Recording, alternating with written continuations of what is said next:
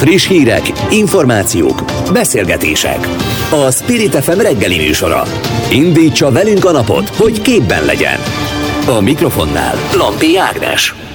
Jó reggelt kívánok! Május utolsó napján, 31-én, hétfő reggel, 7 óra 8 perckor köszöntöm Önöket. Angéla napján kezdődik az Aktuál, a Spirit FM közéleti politikai reggeli műsora. Nagy Teodóra szerkesztő nevében is köszönti Önöket a műsorvezető Lampi Ágnes.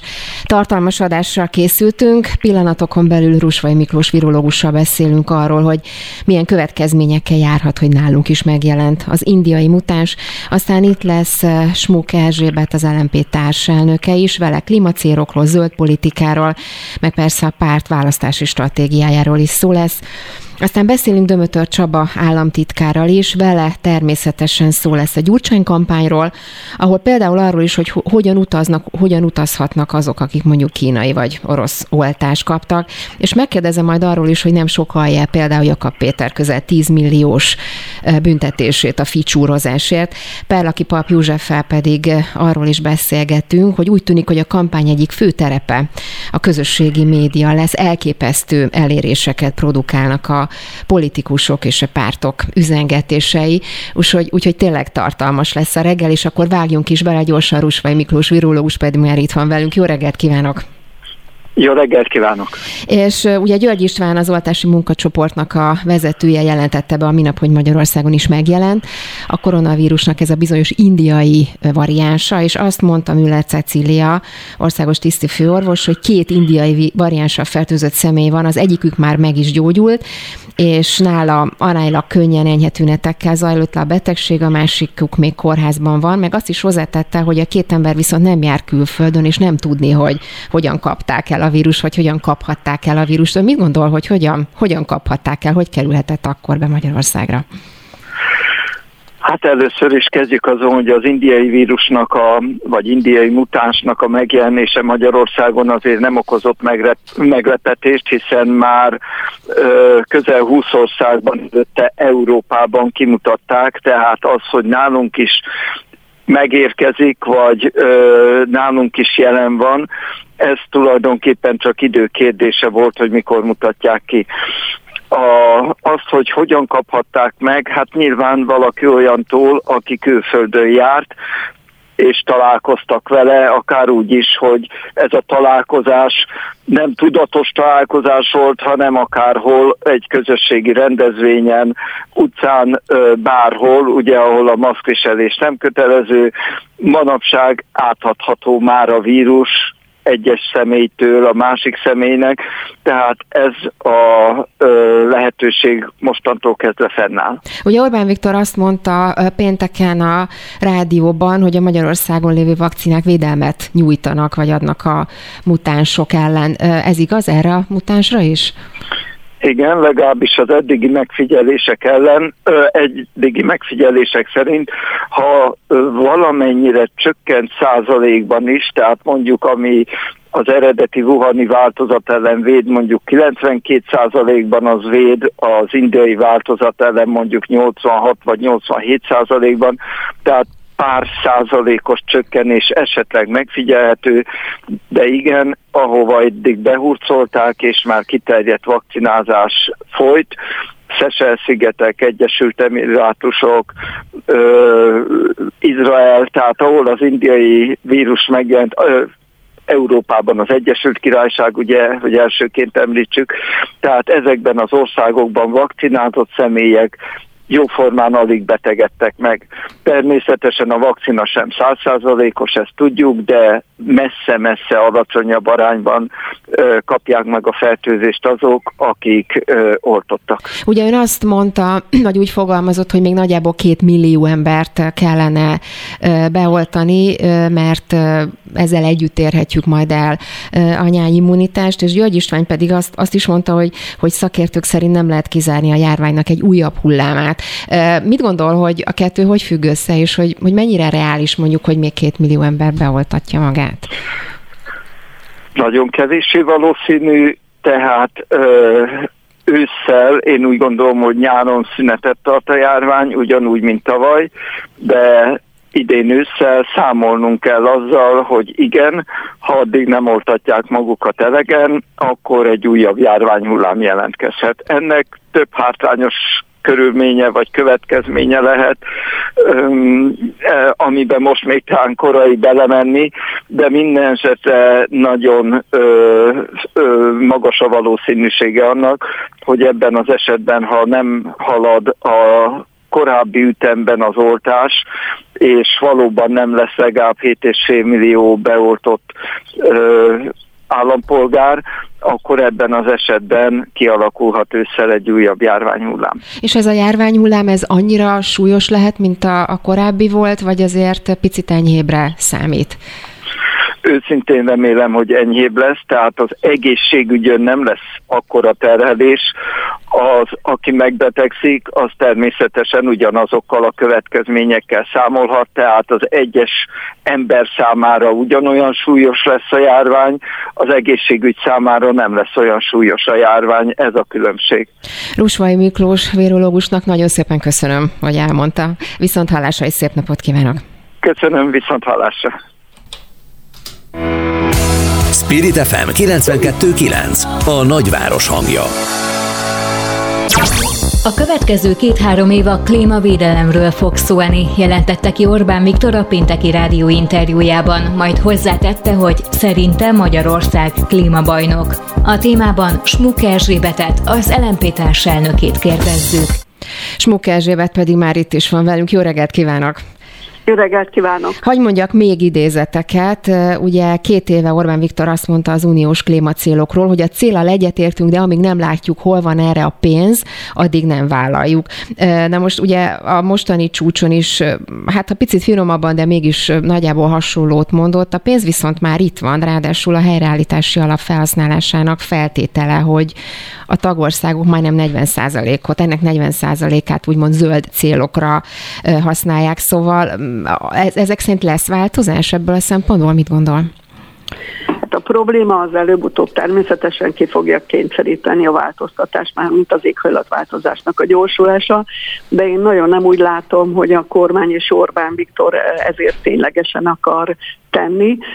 Hát ezt mutatja az is, amikor Orbán Viktor arról beszél, hogy Magyarország klímabajnok, pedig tudjuk, hogy ez a, az, ég, tehát az egész éghajlatváltozás megfékezésének a kérdés az nem klímabajnokság, mert ebben vagy mindenki veszít, vagy mindenki nyer valamit. Tehát itt nincs egy bajnok, egy győztes, Orbán Viktor ezt azért állítja, azt akarja bemutatni, hogy Magyarország milyen sokat tett már eddig a, az éghajlatváltozás megfékezésért, de hát azt tudjuk, hogy nem. Tehát azért, hogy a, a kibocsátás csökkentésünk ebben a pillanatban 1990-hez képest 32%-kal kevesebb, az nem annak köszönhető, hogy a kormány bármit is tett volna érte, hanem azért, mert egyrészt a rendszerváltás után a nehézipar összeomlott, tehát ez azt jelenti, hogy sokkal kevesebb lett a szennyezés, a kibocsátás, másrészt meg volt 2008-2009-ben egy gazdasági világválság, ezeknek köszönhetően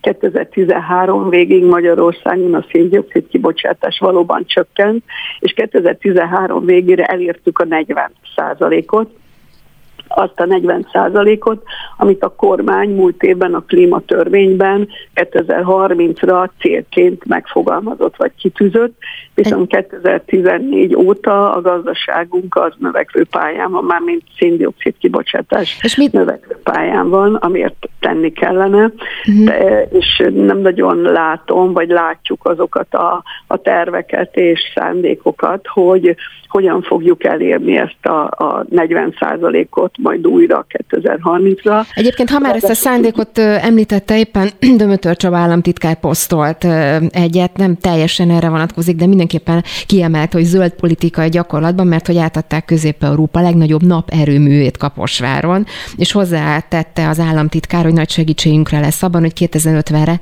karbonsemleges módon tudjuk előállítani az ország működéséhez szükséges energiát. Most ezt csak azért hoztam ide, mert hogy kapcsolódik a témához, és, és úgy tűnik, hogy talán, talán, talán lehet változás ebben a szemléletben.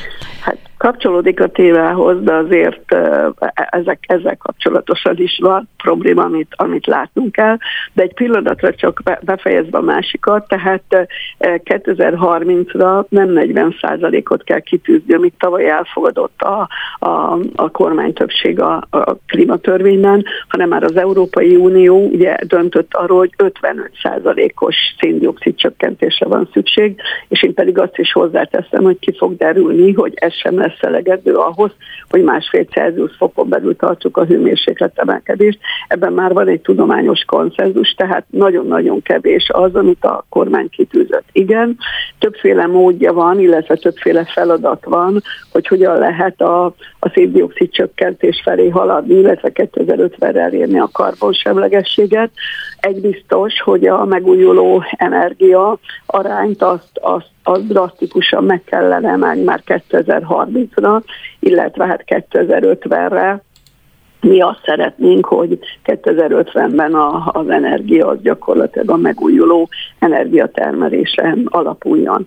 Viszont az Orbán kormány az az atomenergiával, illetve a Paks 2-vel számol, amivel kapcsolatban érdemes lenne majd egy külön vitát lefolytatni, illetve társadalmi párbeszédet is, hogy az atomenergia az mennyire tiszta és olcsó energia.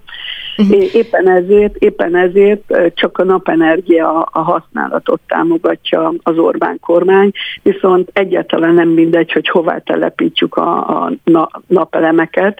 Tehát most ön említette, hogy ilyen napelemfarmot hoznak létre, de a, a probléma az, hogy ezeknek a, az ömé részét azt vagy zöld felületre telepíti a kormány, vagy termőföldre. Egyik sem jó megoldás, mert a, a zöld felületre szükség van azért, hogy a, a széndiokszidot el tudja nyelni, mert olyan nincs, hogy nulla széndiokszid kibocsátás, tehát a nyelők a zöld felületre szükség van, a másik fele pedig a termőföldre is szükség van, és mind a kettőt kockára teszi a kormány. Ezzel a telepítéssel ezeket háztetőkre vagy középületekre kellene rakni. Még egy kicsit más jellegű kérdés, ugye választások lesznek 2022-ben, és az LMP is természetesen benne van az ellenzéki koalícióban, viszont láttam azt, hogy a, egy tagjuk, a Radics Péter, aki ugye, ha jól tudom, Szoboszlón dolgozott, írt egy posztot azzal kapcsolatban, hogy elhagyta az LMP-t, és hozzátette, hogy szerinte a 2018-as választások után megkezdődött az LMP mélyrepülése, és ő is egyre kevésbé tudott azonosulni a párt irányelveivel, mert hogy szerinte a párt szervezetileg egyre gyengébbé vált, és hogy egyenes következménye a többi ellenzéki párttal való egybeolvadás. Szóval mennyire jellemző most a párton belül az, hogy, hogy ilyen hangok jönnek elő, mert később meglepő volt, hogy most így a, a választások előtt nem sokkal egy ilyen, ilyen kép, vagy egy ilyen tagjuk kilépett, és ilyen indokkal.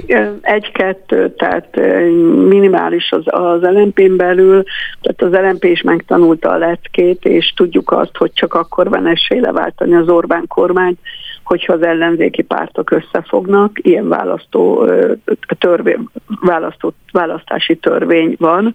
Természetesen nálunk is akadnak olyanok, akik, akik azt gondolják, hogy még mindig lehet külön vagy egyedül, Sajnos ez, ez nincs így, és az LMP fórumai már döntöttek, testületei döntöttek, hogy mi részt veszünk az együttműködésben, és nagyon fontos célunk a kormánynak a leváltása, és utána pedig együtt kormányozni a többi ellenzéki párttal.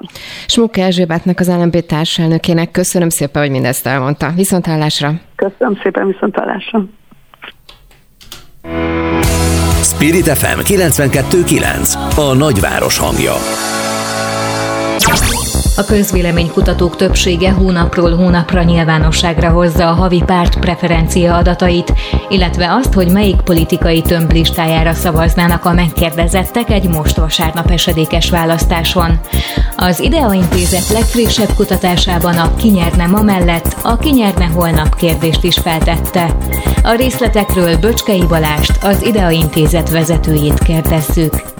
Így van, Böcskei Balázs politológus, az Ida Intézet kutatási igazgatója van itt velünk. Jó reggelt kívánok! Reggelt kívánok, köszöntöm a hallgatókat. Hát jó kérdés ez a ki nyer ma meg, ki, ki holnap. Mindenesetre nagyon érdekes volt ez a kutatás. Ugye kiemelték az anyagukban, hogy nem csak a, azokat az adatokat nézték, vagy kutatták, amelyeket az elmúlt évtizedekben már megszokhattunk, ugye, hogy hónapról hónapra hogy állnak a pártok preferenciái, hanem azt is nézték, hogy milyen egy úgynevezett közhangulati tényező került elő. Ez mit jelent pontosan, és, és milyen eredmények, eredmények, eredmények eredményekre jutottak ezzel kapcsolatban?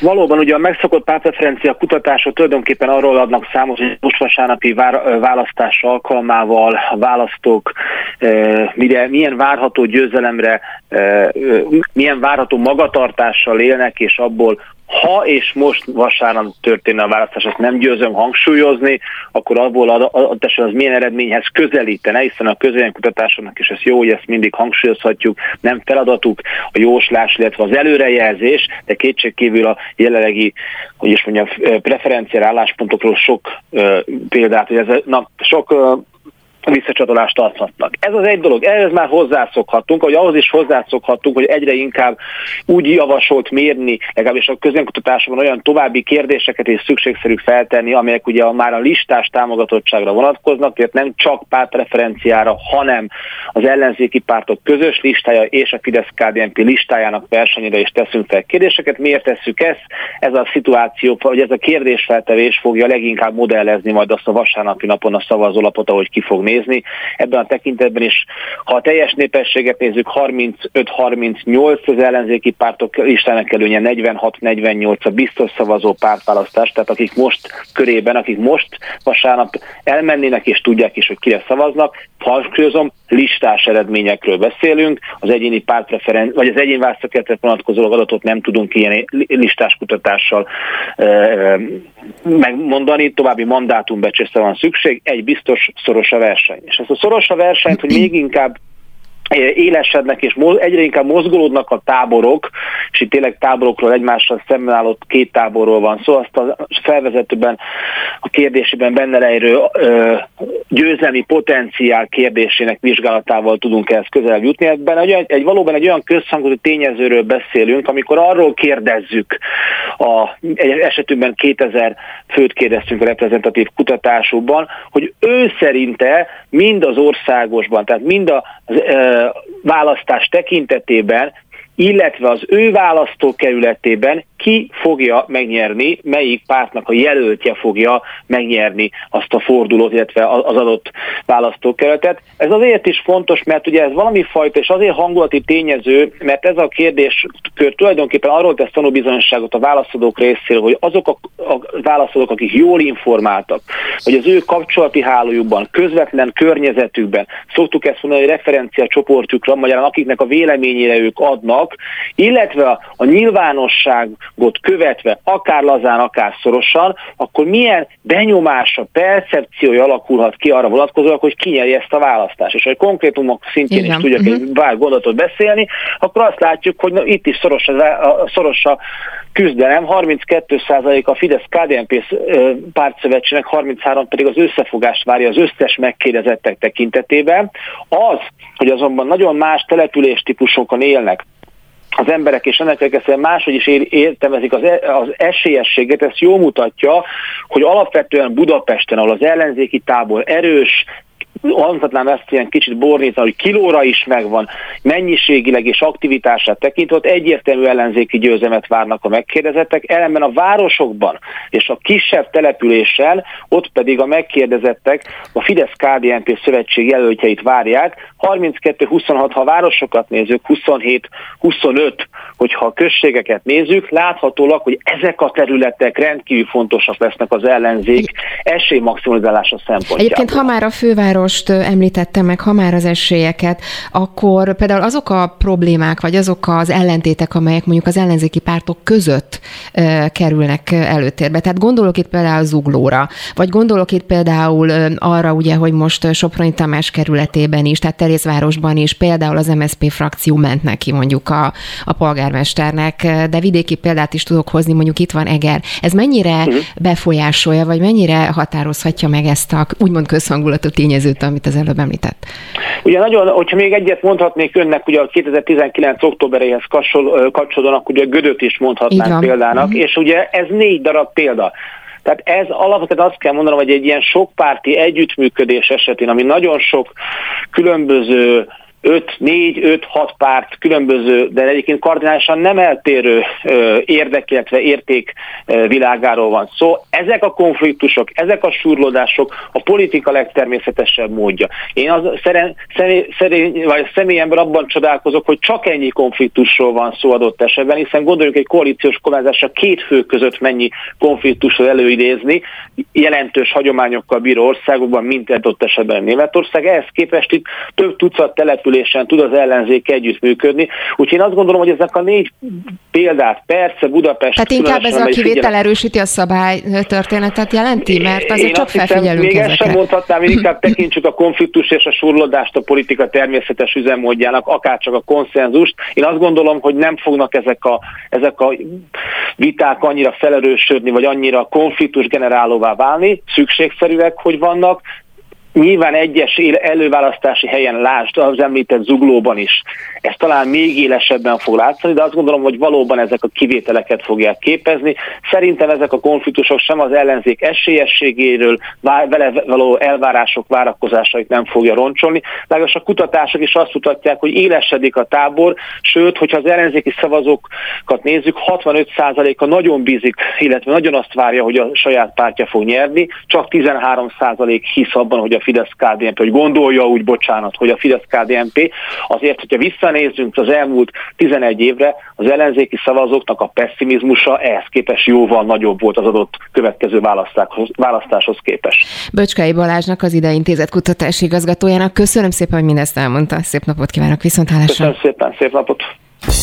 Az összödi beszéd egy vaku emlék, villanásszerűen képes visszaemlékezni rá az ember, mint Egerszegi Krisztina Szöuli győzelmére 1988-ban.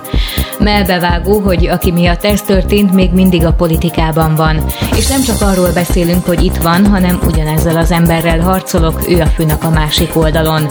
Mondta Gyurcsány Ferenc kapcsán Orbán Viktor pénteken a Kossuth Rádióban. Dömötör Csaba, parlamenti államtitkárt kérdezzük. Dömötör Csaba államtitkár pedig itt van velünk. Jó reggelt kívánok! Jó reggelt kívánok! Köszönöm szépen, hogy tudunk beszélni. Hát téma természetesen a, a kampány, illetve ez a bizonyos gyurcsány kampány, és megnéztem azt, hogy milyen elérései voltak például a gyurcsány sónak, ugye csak a Facebookon 1,8 millió megtekintésnél jár most a történet, aztán például a karácsony gyurcsány embere anyag az nagyjából 780 ezer embernél, de a kicsoda valójában karácsony szintén 1,4 millió, szóval elképesztő mennyiségű embert érnek el ezzel, és ugye arról beszélgettünk, hogy 2006-ban volt ez az esemény, szóval nem egy kampány eszközről van itt most szó, tehát arra célzok, hogy nem elsősorban az évfordulót, vagy azt hozzák elő, ugye, hogy, hogy Gyurcsánynak milyen szerepe volt, hanem inkább egy kampányeszközről van szó, mert tényleg elképesztőek ezek az elérések. Üdvözlöm a nézőket. Fontos kérdés ez, szerkesztő asszony. Én azt gondolom, hogy ha ez nem, nem lenne lényeges kérdés, akkor nem nézték volna meg ennyien ezeket a filmeket. Úgyhogy valóban adódik a kérdés, hogy annyi évvel az összödi beszéd után miért lényeges dolog ez? Hát elsősorban azért, mert hát kibontakozóban van egy, egy ilyen előválasztási színjáték a bal oldalon, külön értekezést megérdemel, hogy ez mennyire előre lejátszott, erről azért van véleményünk, és miközben ez kibontakozóban van, gyakorlatilag nem látunk olyan jelöltet, aki így vagy úgy eh, ne lenne köthető Gyurcsány Ferenchez. Ugye Karácsony Gergely a kancellárián keresztül neki dolgozott, a felesége esetében ez az összefüggés, ez teljesen nyilvánvaló. Na csak arra célzok, hogy önök nyilvánvalóan a... készültek erre, tehát itt egy olyan szintű kampányt készítettek elő, és itt megnézhetjük azt is, hogy mondjuk mennyi pénz ment el ezekre a hirdetésekre, tehát arra célzok csak, hogy nem véletlen, hogy, hogy ezt ilyen tudatosan önök is felépítették. Hát, ez nem újdonság, szerkesztő asszony, tehát az, hogy Gyurcsány Ferenc adja az ütemet a baloldalon, abban semmilyen újdonság nincs. A, ami lényeges kérdés szerintem ebben az az, hogy miközben valóban 15 év eltelt, még mindig ez a, ez a politikus a meghatározó alapja a baloldalnak, ami szerintem a baloldalon is sok problémát okoz, de a mi szempontunkból talán nem is ez a belső tülekedés, illetve most már nem is tülekedés, hanem, hanem egyeztetett színjáték a meghatározó, hanem az, hogy az országnak mit jelentene az, hogyha ez a 2010 előtti csapat kapna megint kormányzati lehetőséget. A megélhetési kérdések azért a belpolitikai határozásoknál fontosabbak, és hogyha megnézzük, hogy miket vetettek papírra, akkor eléggé borzasztó dolgokat látunk. Tehát adóemelés, két kulcsos adó, társasági adóemelés, családtámogatások megkurtítása, és egy fontos alapelvnek a felülírása, még pedig annak, hogy az egyes támogatásokat munkavégzéshez kössük. És az a helyzet, Persze, én ezt értem, félrenet se, abszolút értem, csak, csak ugye most a kampányról beszélgetünk, meg arról, hogy milyen hatékonysággal és, és milyen eléréssel lehet mondjuk ilyen üzengetéssel, Facebook kampánya, Facebook videókkal elérni, akkor itt egy egész más kategóriáról beszélünk, és hát ön is tulajdonképpen beszállt ebbe, hiszen ön is posztolt, ön is kommentelt, ugye azt írta például, hogy egy feketeöves privatizátortól az apró villából ezt elég meredek, tornacipős, lazáskozós kommentelgetés helyett megtenni egy bocsánatkérés, és meg arra célzok is, hogy ugye önök, mint politikusok is kiveszik a részüket ebből a kommentelgetésből, aminek hát elég húzósak az elérései. Tehát erre, ez a kérdés erre irányul inkább. Mm, és sok mindent kommentálok a Facebook oldalamon. Az imént említett bejegyzést azért tettem, mert van abban valamilyen egészen furcsa, amikor a demokratikus koalíció politikusai például Gyurcsány Ferenc is hétről hétre felállnak a parlamentben és tolvajoznak. Mindezt úgy, hogy gyakorlatilag egy, egy budai villából érkezik az ülésterembe már, amikor megérkeznek, mert olyanra is van példa, hogy nem érkeznek meg, és ezek után ilyen szavakat használni szerintem az eléggé meredek. Azt természetesnek tartom, hogyha így viselkednek, kiegészítve egyébként a jobbik sorozatos provokációival, akkor nagyon sokan fognak erre reagálni. Lehet egyébként egyébként, hogy pont ez a céljuk. És úgy látja, hogy akkor nagyjából erről fog szólni a kampány is most 2022-ben. Arra célzok csak, hogy még megnéztem például, hogy önök mennyit költöttek csak erre a történetre. Hát itt, ha csak a napok, ha egy napot nézzük, akkor itt a számítások szerint a szakemberek azt nézik, hogy több millió forint megy a Facebookra, YouTube-ra, egyebekre. Tehát, hogy nagyon-nagyon intenzíven nek tűnik ez a kampány. Hát amiről ön beszél, az valójában arról szól, hogy a nyilvánosság hangsúlyai jelentős mértékben áttevődtek az, az online térbe, és gyakorlatilag nem egyetlen politikai közösség, hanem minden politikai közösség él az ezzel kapcsolatos új lehetőségekkel. Én egyébként ezt nem tartom ördögtől való dolognak, a, tehát a párbeszéd, ami eddig a hagyományos média felületeken, hagyományos konzultációkon keresztül zajlott, most az online felületeken is zajlik. Szerintem ez erősíti a demokráciát, és még egyszer hangsúlyozom, minden egyes politikai szereplő él ezekkel a lehetőségekkel. Az egyébként, hogy mi lesz a 2022-es kampányban, azt még nagyon korai megmondani, és engedjem meg, hogy azt mondjam, hogy nekem nem is ez köti le még a, a legtöbb energiáimat, hát mégis csak benne vagyunk egy járványhelyzetben, tehát szeretnénk lezárni végleg ezt a harmadik hullámot, szeretnénk, ha még jobban haladna az oltási program, és ezt teszi lehetővé, hogy minél hamarabb végbe menjen a gazdasági újraindítás is. Egyébként, ha már a, a járványt említett, akkor beszéljünk egy picit a vakcina igazolvány kérdésekről, ugye, mert hogy itt a megoldás nyilván az egységes uniós véde, védettségigazolvány jelenthetné, amely hát most legalábbis a hírek szerint június-július táján valósulhat meg, és ugye Orbán Viktor azt mondta a rádióbeszédében, hogy azok, akik a keleti vakcinákat, tehát orosz-kínai vakcinát kapták meg, azok is utazhatnak majd. Egyelőre nem tűnik úgy, hogy, hogy nagy, tehát hogy több lehetőségük lesz, hiszen nagyon sok probléma van, nem fogadja el egyelőre a, a gyógyszerügynökség sem ezt a két vakcinát. Hogyan utazhatnak akkor azok, akik ilyen, ilyen oltást kaptak? Az alapvető körülmény az az, hogy az Unió valóban csúszásban van. A zöld kártyához kapcsolódó keretrendszert az június közepéig kellene kialakítani, és az még csak a jogi keretrendszer. Azt még nem látjuk, hogy mikor léphet működésbe ez az egységes uniós rendszer, és emiatt sok ország részéről azért komoly elégedetlenség van. És ez is az oka annak, hogy Magyarország kétoldalú módon is folytat tárgyalásokat, mert 11 országgal született ilyen megállapodás, környező országokkal is, Csehország, Horvátország, Szlovénia, Románia, Szerbia, csak hogy párat említsek. Ennek a lényege az, hogy ezek az országok és Magyarország kölcsönösen elismerik egymás oltási igazolványait. Tehát jó lenne, hogyha minél hamarabb lenne egységes uniós keretrendszer, de hogyha ez késlekedik, akkor nekünk meg lesz rá a saját eszközünk arra, hogy minél több országba lehessen utazni. De várjon, ez a saját eszköz, ez azt jelenti, hogy minden országgal egyesével nyilván kétoldalú megállapodásokat kötnek, de ennek ellenére akkor nem lesz ennek része. Tehát azok, akik mondjuk kínai vagy orosz vakcinát kapnak, nem kerülnek bele ebbe a pakba, és nem fognak tudni utazgatni, hiszen azért határokat is át kell lépni, tehát jóval bonyolultabb lesz akkor az a helyzet. Ezzel, ezzel vitatkozom, tehát a Ugye az egy alapvető körülmény, hogy a nyugati országok jelentős részében még sokkal szigorúbb zárási intézkedések vannak. Tehát kiárási tilalmak Franciaországban is este 9-től reggel 6-ig, és június végéig nem is valószínű, hogy feloldják.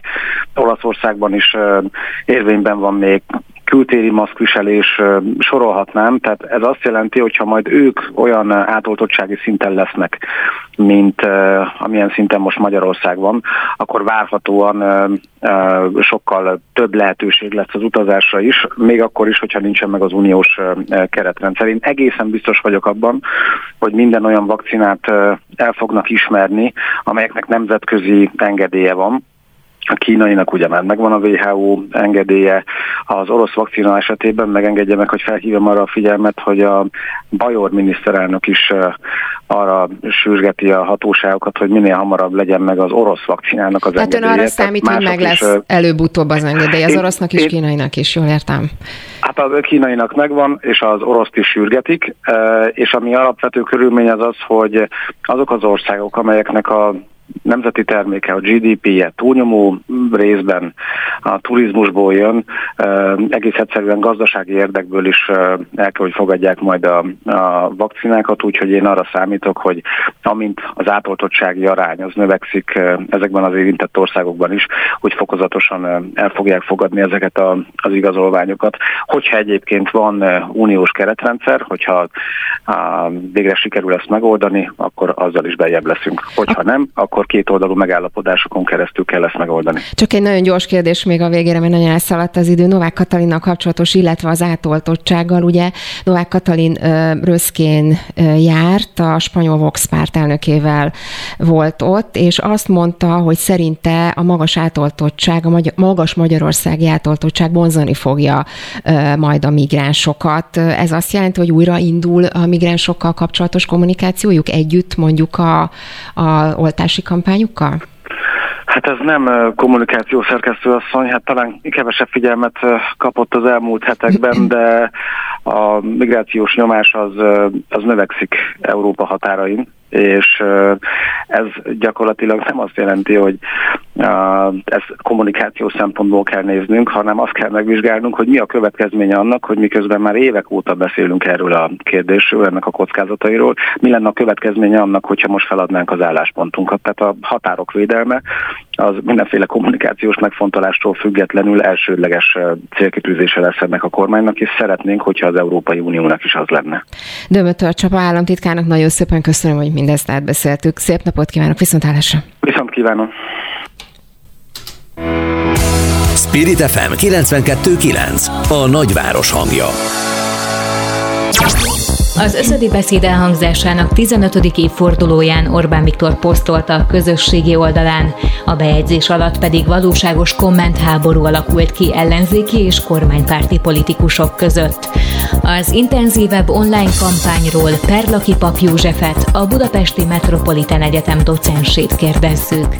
Aki pedig itt van már velünk, jó reggelt kívánok! Jó kívánok! Ugye beszéltünk itt már sokat arról, hogy mennyire hatékonyak ezek a bizonyos Facebook kampányok. Épp az előbb soroltam fel Dömötör államtitkár úrnak, hogy milyen, elér, milyen elérései voltak akár a, a például a, a Gyurcsány sónak például, vagy a karácsony videónak. Ön hogy látja, hogy ennek ez, ez várható a jövőben itt a 2022-es kampányra, szóval erre fognak koncentrálni most a, a pártok, ez lesz a fő irány? Hát ma már azt mondjuk, ugye 2010-ig, 2010-től nagyon vártuk már azt, hogy az online mikor válik stratégiai jelentőségűvé, és azt gondolom megérett rá a helyzet. Nem is, hogy a legfontosabb eszközé vált, vagy az egyik legfontosabb eszközé vált, hanem önálló csatatér. Tehát magasak a számok, ennek az egyik oka az, hogy felismerte a politika, hogy fontos számára ez a csatatér, fontos itt is megküzdeni. Másrészt meg azt látja, hogy mindenki itt van. A politikus pedig olyan, ahol a választó ott is ő van, hiszen a választótól kapja a legitimációt, és ezek a számok, amiket említhettek eh, a, a műsor korábbi szakaszában, ezek még följebb fognak menni. Tehát erre a csatára még a, a küzdő felek még csak most kezdenek uh felvonulni. De mi az oka egyébként a... annak, hogy ennyire magasak ezek a számok? Szóval egészen elképesztő. Tehát például a Gyurcsány a YouTube elérése közel egy millió megtekintésnél jár, a Karácsony Gyurcsány embere 540-550 ezernél, a Gyurcsány Facebook elérése egy millió, a kicsoda valójában Karácsony is 600 ezer, tehát elképesztőek ezek a számok, és hogyha összehasonlítjuk mondjuk egy sima politikai üzenettel, hát azok mondjuk meg se közelítik ezeket a számokat. Hát van egy frissessége a, e, ennek a térnek, ennek az eszköznek, és ezt elkezdte mindenki használni, és talán ezért látjuk, hogy berobbantak ezek a számok. Ezt hozzá kell szoknunk, ezek tovább fognak nőni, ott vannak az emberek, és ott fogyasztják a tartalmakat, és mivel kapnak jó tartalmakat, és megvan a politikában az az élményük, hogy közvetlenül tapasztalhatják azt a kissé eddig talán elzárt világot, amit mindig csak interjúkon keresztül, a televízió közvetítésen, a sajtó közvetítésének keresztül kaphatták. Tehát van egy eufóriája annak, hogy, hogy egy lépés távolságra van tőlük a politikus. Azért lassan berendezkedtek már az emberek arra, hogy egy ideális világot létrehoztak számukra, tehát úgy fogyasztják a tartalmakat, hogy ott vannak a kedvenc sztárjaik, ott vannak a kedvenc témáik, és ezek között megtalálhatók azok a politikusok is, akire figyelnek. Tehát... És gyakorlatilag, gyakorlatilag ennek a folyamatát láthatjuk. Igen, egyébként jó is, hogy ezeket említi, tehát egyfajta bulvárosodás, vagy a, a, a politikus is bekerül, az üzenetei bekerülhetnek mondjuk a bulvár térbe, arra célzok csak, hogy ugye épp a minap Orbán Viktor például a pörköltszaftos zakójáról posztolt a Facebookon, Karácsony Gergely a turkálós ingéről, Jakab Péter ugye véslivel, piros aranyjal jelentkezik, és tényleg ezeknek az elérése hát jóval magasabb, mint mondjuk a sima politikusi üzeneteknek vagy bejelentéseknek. Ez így van, a politikának nagyon fontos feltétele a politikai üzeneteknek, a kommunikációnak a közérthetőség. Azzal, hogy a hétköznapi embert a közösségi média beemelte a nyilvánosságba, és ugyanolyan joggal szól hozzá a legkomolyabb politikai vagy szakpolitikai témákhoz, éppen úgy, ahogy ő gondolkodik róla. Ez a közérthetőség, ez fontossá vált, és a bulvárosodás, ami megjelent már régóta a politikában, tehát 15-18 éve láthatjuk már azt, hogy a politikusnak nem csak a a feladatai, a szakmai tartalmai érdekesek az embereknek, hanem a hétköznapjai és a személyisége is. Ez tovább folytatódott, és ezáltal e, és, és még kapott még egy, egy e, e, fontos inspirációt ez a bulvárosodás. Az ellenzék részéről láthatjuk ezt a sokak, kevesek, urizáló elit, hétköznapi emberek szembenállítást. Ugye az ellenzékes stratégiai szintre emelte, és ezért bizony fontos, minden politikusnak, a politik, politikában résztvevőknek, hogy ezt felülírja, főleg a kormánypártok részéről, hogy ők is ugyanolyan hétköznapi emberek, ugyanúgy gondolkodnak, ugyanúgy működnek, ugyanúgy élnek, és ez a fajta küzdelem, ez a hétköznapiságban is megjelenik a politikai kommunikáció. Csak egy gyors válasz a végére, hogy ezek szerint arra számít, hogy mondjuk a magánélet, vagy akár botrányok, problémás nőügyek, ugye ezekről is volt szó bőven az elmúlt időszakban, ezek is jobban előtérbe kerülnek majd? Szerintem nem csak én számítok arra, hanem a politika is így kalkulál. A botrányokra rászokott a politika, mégpedig azért, mert nem csak úgy lehet előnyhöz kerülni a politikai kommunikációs térben, hogy építem a márkám, és szépen lassan megmutatom magam úgy, ahogy szeretném a nyilvánosság előtt, hanem bizony a botrányokkal, a krízisekkel le lehet bontani a másiknak a hitelességét, azt a hitelességet, ami a legfontosabb értéke a politikának, és bizony, ha nem jól kezeli valaki, akkor nem csak a személyt lehetetleníti el, hanem tovább fertőzi a pártársait, és akár a pártját is, és annak már komoly politikai következményei vannak, és ha valaminek ekkora hatása van, akkor a politika fogja azt használni. Perlaki Pap Józsefnek nagyon szépen köszönöm, hogy mindezt elmondta. Viszont hallásra és szép napot kívánok! Viszont hallásra! Üzleti szektor. A Spirit FM reggeli műsorának gazdasági percei. Üzleti információk, ingatlanpiaci adatok, pályázati lehetőségek, gazdasági hírek. Minden, ami anyagilag fontos lehet. 2021 márciusában a teljes munkaidőben alkalmazásban állók bruttó átlagkeresete 435.200 forint, a kedvezmények nélkül számolt nettó átlagkereset pedig 289.400 forint volt. Mindkettő 8,7%-kal magasabb, mint egy évvel korábban. Az MSZP szerint ugyanakkor egekben van az infláció, és a nyugdíjakat sem kompenzálta megfelelő mértékben a kormány. Koros Lajost, a Népjóléti Bizottság MSZP-s elnökét kérdezzük aki pedig már itt van velünk. Jó reggelt kívánok! Jó reggelt! Na nézzük akkor ezeket a számokat, amit itt az előbb hallhattunk. Tehát nézzük akkor, kis csörgést hallok a háttérbe, ha esetleg tudna erre figyelni, valami nagyon csörög ott önnél. Nálam semmi az égvilág. Oké, okay, akkor most talán jobb lesz a helyzet. Na szóval, hogy beszéljünk már akkor ezekről a számokról, erről a bizonyos 435.200 forintról, ami ugye itt elhangzott az előbb is, hogy 8,7%-kal magasabb, mint egy évvel korábban. Szóval, hogy értékel, hogy ezek szerint javultak, javultak az adatok erre vonatkozóan?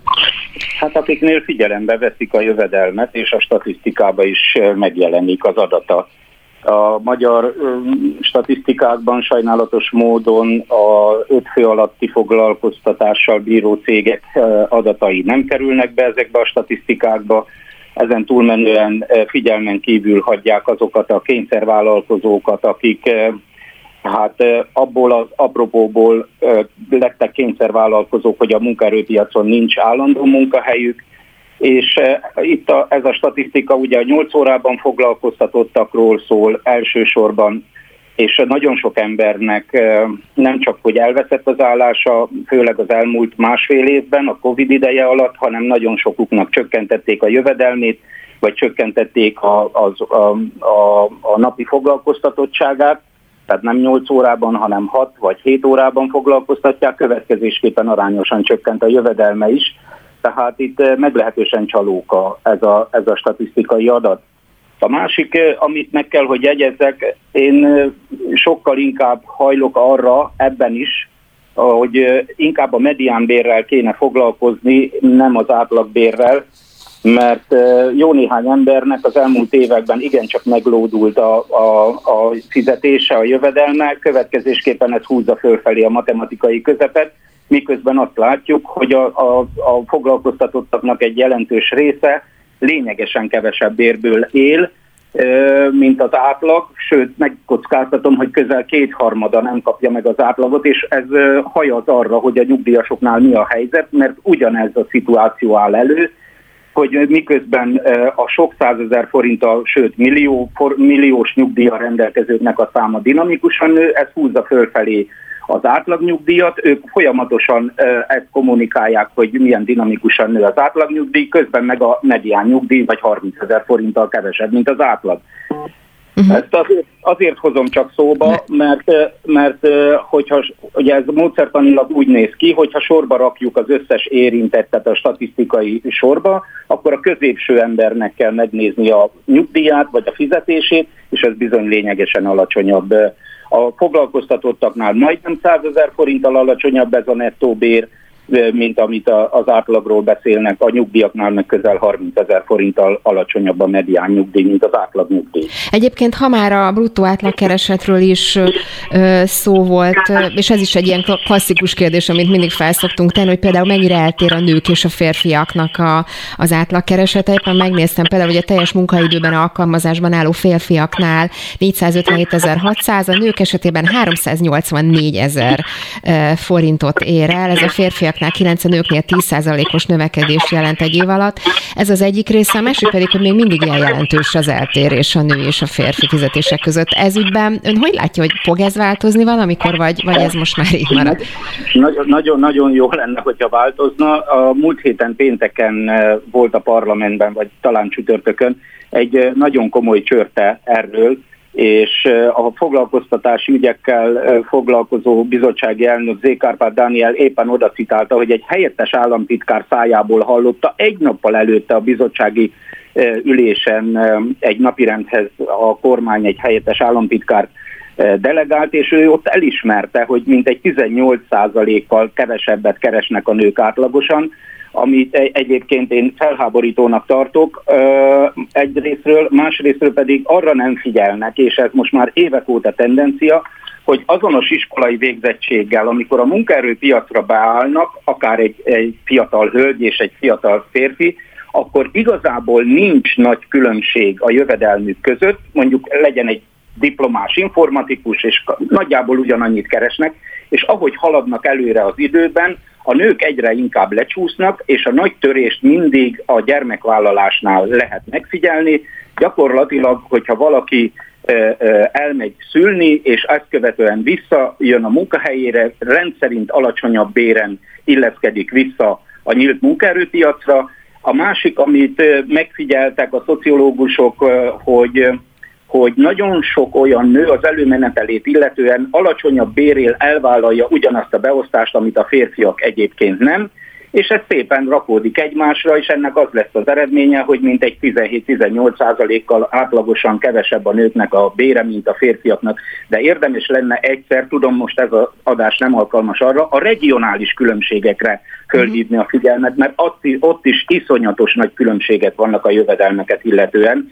Következésképpen, mivel nálunk egy felosztó kirobó nyugdíjrendszer van, később a nyugdíjakba is ugyanígy lecsapódik, sőt drasztikusabb a nyugdíjaknál, a jövedelmi különbségeknek a leképeződése területi aspektusból vizsgálva. Itt egyébként van valamilyen pontos adat arról, hogy mekkora lehet mondjuk az eltérés a főváros, a nagyváros akár és a kisebb települések között? Legalább csak arányszámokat nézve?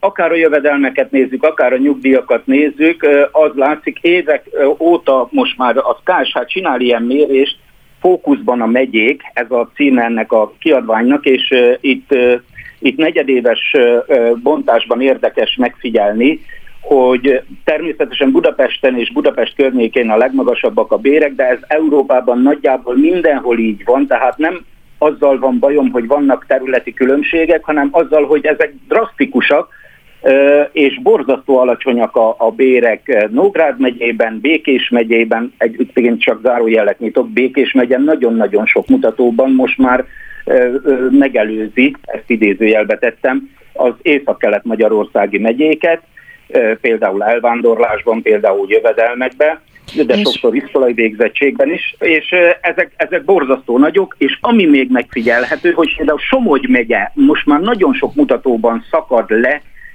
például nem lehet összehasonlítani a, a, a nyugat-magyarországi vagy a Dunántúli megyékkel. Kóros Lajosnak nagyon szépen köszönöm, hogy mindezt elmondta, szerintem beszélünk majd még ezekről a témákról. Köszönöm szépen, minden jót kívánok, viszont hallásra. Viszont hallásra. Aktuál. Friss hírek, információk, beszélgetések. A Spirit FM reggeli műsora. Indítsa velünk a napot, hogy képben legyen.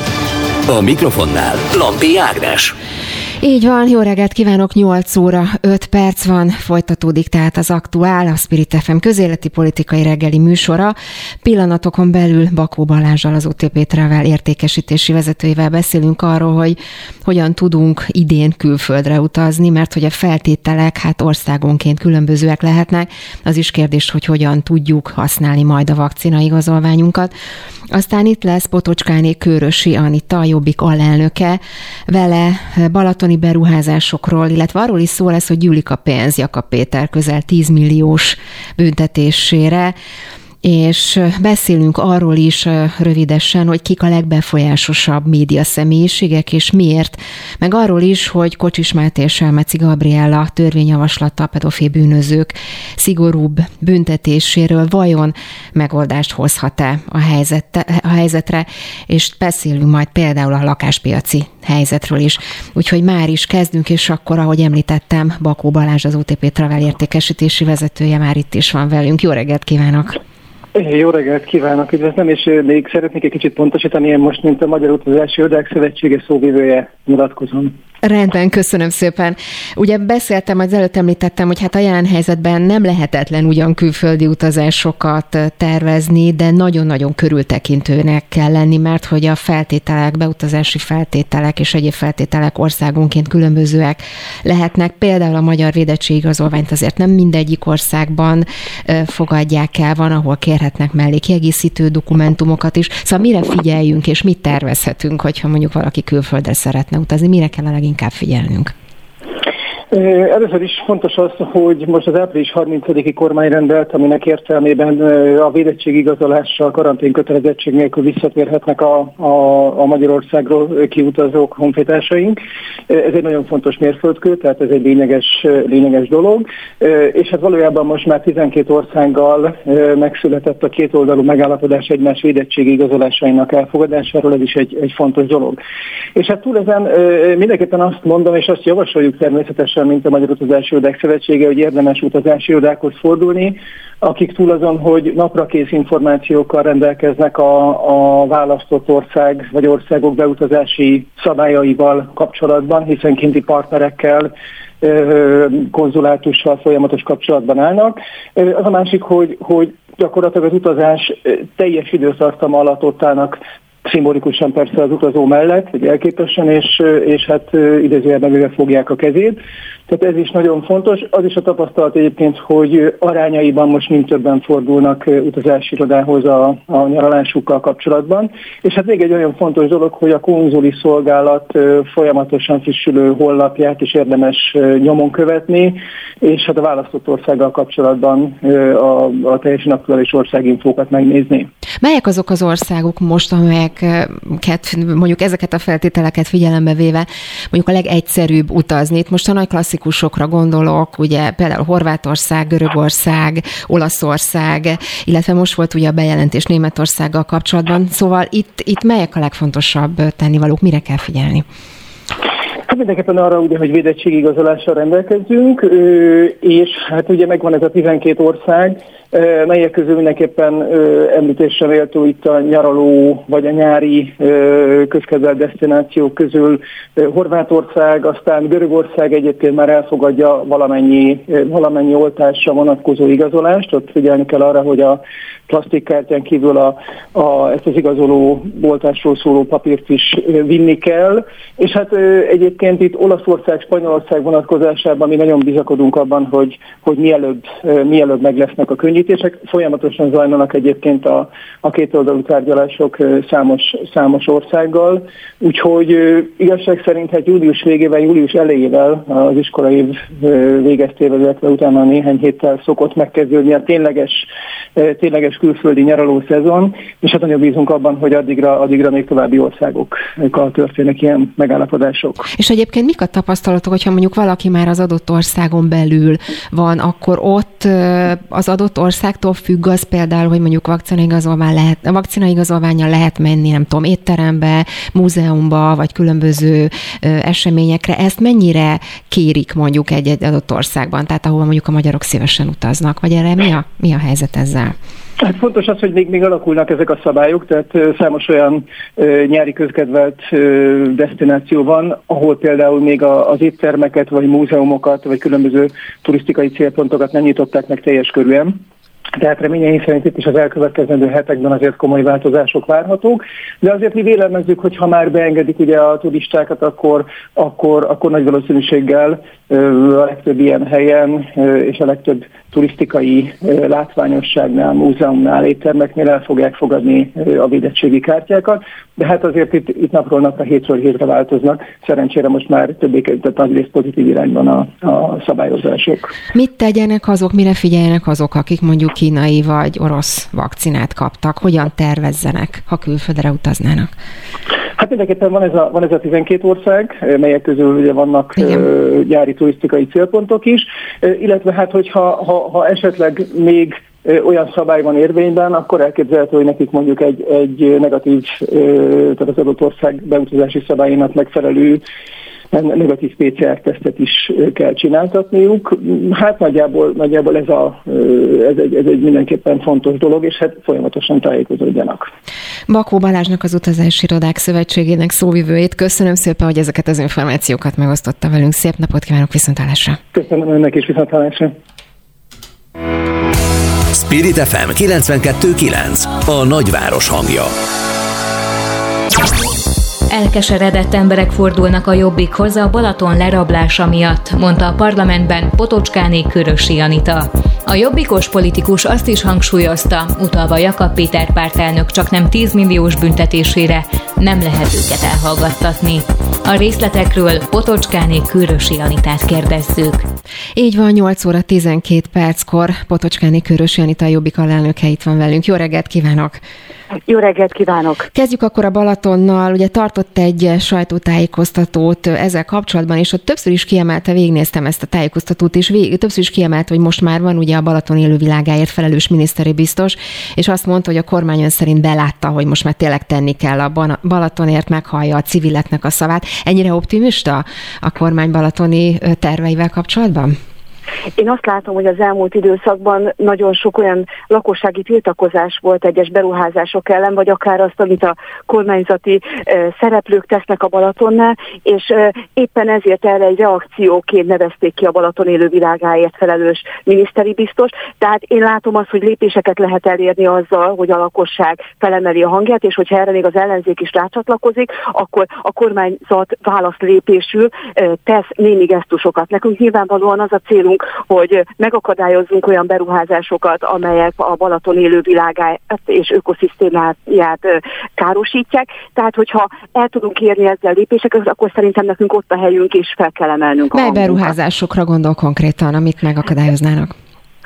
Most éppen Tihanyban tartottam sajtótájékoztatót egy emblematikus helyszínen, egyébként ez egy teljesen a vízparthoz közeli 5 hektáros terület, amit a Tihanyi önkormányzat eladott, és vélhetően ott is egy luxuszálloda és egy olyan park fog létesülni, ami a kiváltságosoknak ad majd teret a Balaton partján, és elzárja a lehetőséget a magyar emberek elől. Tehát most például ez az a helyszín, ahol még el tudunk érni lépéseket, mert még nem történt egyetlen egy kapavágás sem. Tehát nekünk ott a helyünk, én úgy gondolom, és minden Balaton szerető embernek, aki küzd azért, hogy a következő évtizedekben is minden magyar él legyen a Balaton, hogy még a kapavágások előtt meg tudjuk akadályozni, ugyanúgy, ahogy ez Balaton világoson, a Klubaliga területen mellett lévő úttörő táborban lévő betonmonstrum esetén volt, ott is még a kapavágások előtt meg tudtuk akadályozni annak a szörnynek a létesülését, tehát nekünk ott a helyünk, ahol ilyen tehát most legutóbb éppen Tihanyban voltam, de természetesen amint kapunk arról jelzéseket a lakosságtól, vagy civil szervezetektől, polgármesterektől,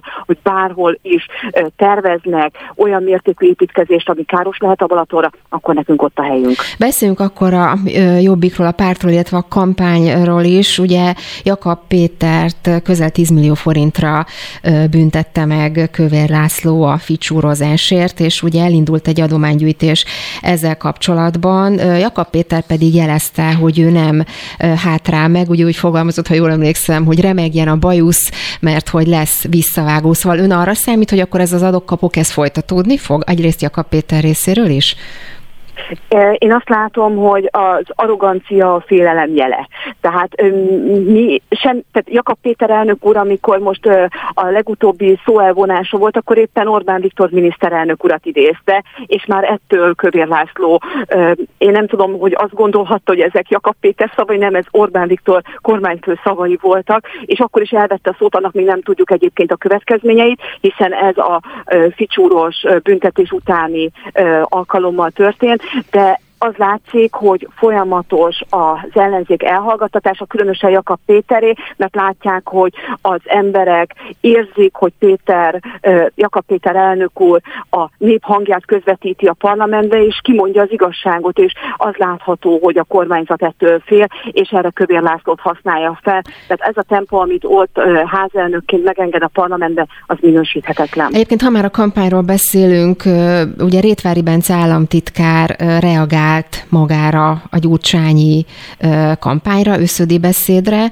Ugye úgy fogalmazott, hogy szerint egy Gyurcsány Ferenc összödi beszéde a demokrácia mélypontja volt, amire a DK nevű politikai szekta épült, ami ellen a jobbik megalakult, míg most az összödi beszéd elmondóját támogatja, és aztán úgy fogalmazott, hogy a jobbikot zsebre vágják az oligarchák, néha Simicska Lajos, néha a Gyurcsány Dobrev klán, miközben a jobbik ugye megalakulásakor éppen a kommunista utót párt és a liberálisok eltávolítását tűzte ki célul, most pedig velik együtt indul a választáson. Szóval arra célzok csak, hogy ez a fajta kommunikáció nagyon is jelen lesz itt most a kampányban.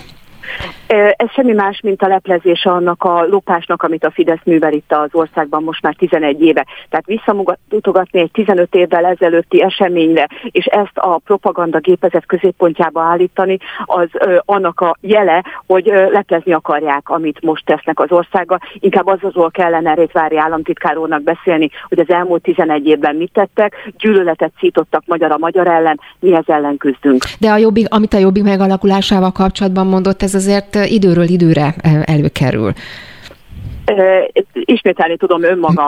Tehát nem arról kell beszélni, hogy mi történt 15 évvel ezelőtt, hanem hogy hova tart a nemzet, és hogyha ez így marad, akkor a gyűlölet, amely már most is jelen van az országban, az egyre mélyebb lesz, és egyre jobban el fog harapozni. Ezért vesznek össze családtagok, ezért vesznek össze barátok. Nekünk az a fontos, hogy minden magyarnak meghatározzuk, és elhozzuk a jólétet és a szabadságot. Ezért dolgozunk, és ezért fogjuk a kormányváltás után a nem, az új nemzeti egységkormányjal megvalósítani megvalósítani azokat az elképzeléseket, amelyek valóban jövőbe és nem a múltba mutogatók. Akkor még egy kérdés ehhez kapcsolatban, mert most már konkrétumokról is tudunk beszélgetni. Ugye most friss hír, hogy a Jobbik Kálmán Olgát támogatja a Budapest négyes számú választókörzetben, ahol egyébként, hát ha csak az ellenzéki politikusokat nézzük, elég nagy ágyuk indulnak. Itt indul ugye például a Momentumos Berg, Dániel, vagy a párbeszéd politikusa Tordai Bence is. Szóval mi alapján döntött a Jobbik azt Kálmán Olga támogatása mellett, mondjuk Berdániel vagy akár Todai Mencével szemben? Nekünk mindig is az volt, és az elnökség amellett tette le a voksát, hogy azokat az embereket kell támogatnunk minden egyes választókerületben, ahol a legesélyesebb, ahol ő lehet valóban a Fideszes ellenfélnek az egy az egy De miért Kálmán Olga a legesélyesebb mondjuk Tordai Bencével képest?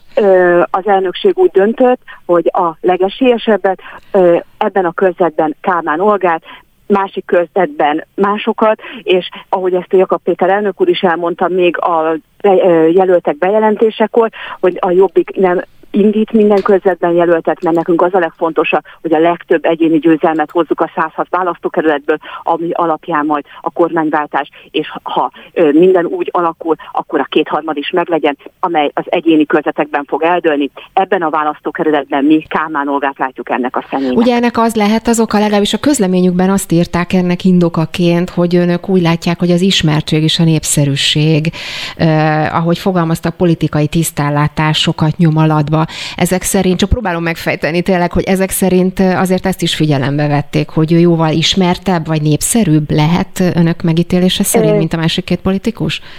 több ö, olyan szempont van egy-egy jelölt támogatása mellett, amelyeket ö, nekünk mérlegelnünk kell.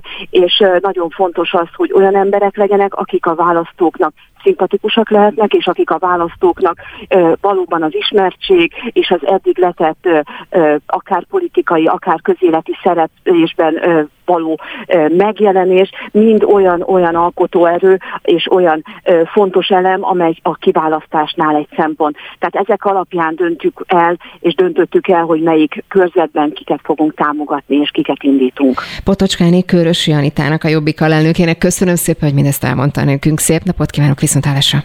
Viszont hallásra, köszönöm szépen én is. Spirit FM 92.9 A nagyváros hangja nem forgatta fel a koronavírus járványa a befolyásos média szereplők listáját. Miközben a reklámköltéseknek odavágott a pandémia, a médiaipari vezetők nagy részt járványállónak bizonyultak. A Marketing and Media kommunikációs szaklap közzétette az 50 legbefolyásosabb média szereplő rangsorát. A listáról Simon Krisztián főszerkesztőt kérdezzük. Aki pedig itt van velünk. Jó reggelt kívánok, szervusz! Jó reggelt, hello! Na nézzük akkor ezeket az eredményeket, hogy ugye azt írtátok itt ezzel kapcsolatban, hogy nem forgatta fel a koronavírus járványa befolyásos média szereplőknek a listáját, tehát nagyjából ugyanazok a, ugyanazok a szereplők vannak, akik korábban, és én néztem ezt a listát, vannak ismerősök, meg, meg kevésbé ismerősök is, szóval hogy látod, mi változott? Hát egy év alatt egyébként tényleg nem nagyon forgatta most fel, tehát azt gondoljuk, meg az mutatkozik meg ebből a listából, hogy itt nagyon nagy szükség volt most, most az első számú vezetőkre, tehát hogy így többségükben a helyükön maradtak, és, és ezért a rangsoron is ott vannak, miután a legnagyobb médiacegeket, meg az ügynökségeket vezetik. Uh, úgyhogy például az első tizet, ha nézzük, az első tíz helyezettet, akkor ott elég kicsi volt a cserélődés, talán csak egy új ember került be a, a MediaWorks-nek a vezérigazgatója, akit ugye tavaly neveztek ki, tavaly ilyenkor, valamikor április környékén Szabó Lászlót, és ugye a MediaWorks az egyik legnagyobb lapkiadó cég Magyarországon, mondjuk a megyei lapokat, meg a nemzeti sportot, hogyha említjük, meg hát nagyon sok minden más van ott még de hogy mondjuk az a vezérigazgató, elnök vezérigazgató Szabó László bekerült, a többiek meg viszonylag, viszonylag ott, ott maradt mindenki. Tehát ez is azt mutatja számunkra, hogy ez egy olyan év volt, amikor így az első ember, az kb. a legfontosabb volt a, a cégnél, nem nagyon változtattak vezérigazgatót vagy a, a cégvezetőt a, a tulajdonosok. A másik érdekesség, ezt ti, ti is kiemeltétek, hogy, hogy a televíziós és a digitális területen dolgozó vezetők aránya nagyon-nagyon magas. Ha jól nézem, akkor 70%-os, és ugye azt hozzátettétek, hogy ez jól mutatja ennek a két szegmensnek a dominanciáját. Ebben sem történt változás, ugye, az elmúlt évekhez képest?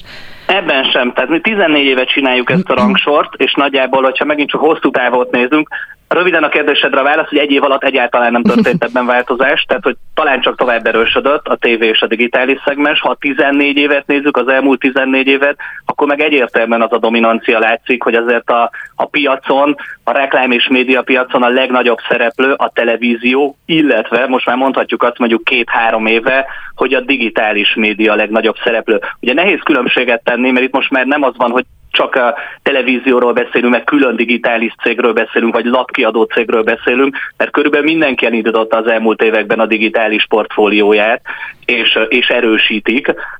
Úgyhogy úgy, hogy most már azt is látjuk, hogy például egy lapkiadó cég, az ma már, ma már magát nem is lapkiadó cégnek pozícionálja, hanem média cégnek pozícionálja, aminek egy meghatározó eleme a digitális portfólió. Úgyhogy körülbelül azt látjuk, hogy a, a televízió mellett a digitális az, az abszolút előre ott van az elsők között, sőt, ha a digitális mondjuk külön venném, vagy leveszem, akkor meg azt mondom, hogy ez az irány, tehát hogy mindenki, mindenki erre megy, és csak akkor lehet itt majd érvényesülni, versenyelőnyben maradni, meg mondjuk tényleg a legjobbak között lenni, hogyha egy nagyon erőteljes digitális portfólió van valakinek a birtokában. Ugyanakkor viszont ugye arról beszéltük, hogy mi nem változott az előző évekhez képest, vagy kevéssé változott, miközben azt látni, hogy a reklámköltések azért igencsak visszaestek a, a koronavírus járvány hatására. Ezek szerint ez nem befolyásolta magát a, a, a szereplőknek a, a jelentőségét, a befolyását, miközben azért itt tényleg jelentős visszaesések voltak, már mint ami a reklámköltéseket illeti.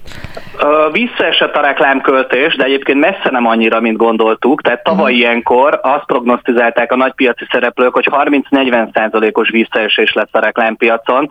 Ez messze nem így lett, tehát jóval kisebb lett a visszaesés, 2-3 százalékos 2019-hez képest, ami mondhatnánk, hogy meglepő, de hogyha jobban a számok mögé nézünk, akkor nem annyira meglepő, mert a reklámpiacon ugye meghatározó szerepet játszik az állam, nem csak tavaly, hanem már korábbi években is ez egy megfigyelhető tendencia, így módon az állam pedig tavaly elég jobb, még jobban beszállt a reklámpiacba. Őnáluk volt egy jelentős 11-12 százalékos reklámpénz vagy kommunikációs költés növekedés.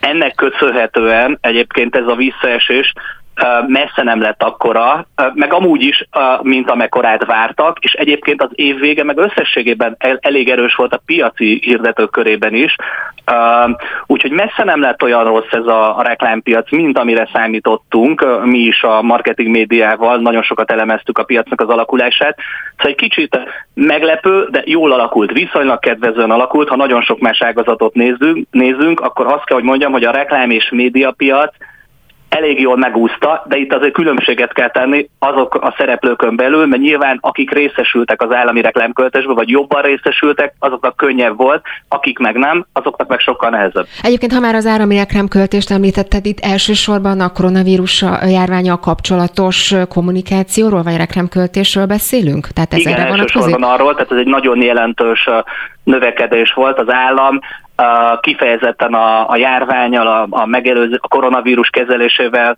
meg az oltási kampányjal kapcsolatosan megjelentetett kommunikációja reklámja az nagyon-nagyon erős volt, és ugye jön egy következő nagy történés 2022-ben az országgyűlési választások, tehát egyébként az prognosztizálható, hogyha a járványal kapcsolatos kommunikációnak mondjuk vége, akkor az állam továbbra is erős szereplő marad ezen a piacon, mert jönnek a választásokkal kapcsolatos kommunikáció. Egyébként ebből a szempontból az állam szerepe, mondjuk az elmúlt éveket nézzük, akkor erőteljesebb lett? Tehát erőteljesebben jelen van mondjuk ezen a piacon? Én jobban visszanyúlnék, én 2010-ig visszanyúlnék, amikor az Orbán, amikor a miniszterelnök úr Orbán Viktor azt mondta, hogy, hogy nemzetgazdasági stratégiai szempontból vannak olyan ágazatok, ahol 50% fölé kell növelni az állami szerepvállalást, ugye az energiaszektor, a bankszektor, kiskereskedelem mellett a médiára gondolt, egyértelműen. A médiában megvan már ez a fajta állami belépést, tehát biztos vagyok benne, hogy elérték az 50%-ot, vagy az a fölötti, és ennek egy nagyon meghatározó része azon túl, hogy tulajdon részt vagy meghat, uh, szereztek, azon túl nagyon meghatározó elem ennek, hogy a hirdetési piacon is beléptek, és erősítik azokat a cégeket, amelyek a birtokukban vannak, vagy amelyek az államhoz szorosan kapcsolhatók. Tehát az állami szerepvállalás 2010 óta folyamatosan erősödik, nyilvánvalóan most az előző években, meg mondjuk a, a járványjal kapcsolatos időszakban ez nem gyengült, hanem azt mondom, hogy tovább erősödött, nem extrémen, hanem egyszerűen csak egy folyamatnak a része. És akkor még egy kérdés a végére, ugye ezt is kiemeltük, meg beszéltünk például a nők szerepéről, most meg női fizetésekről, és itt, itt ti is kiemeltétek, hogy rekordon döntöttek a nők. Ebből a szempontból ez mit jelent, hogy rekordon döntöttek a nők, már hogy a befolyás szempontjából?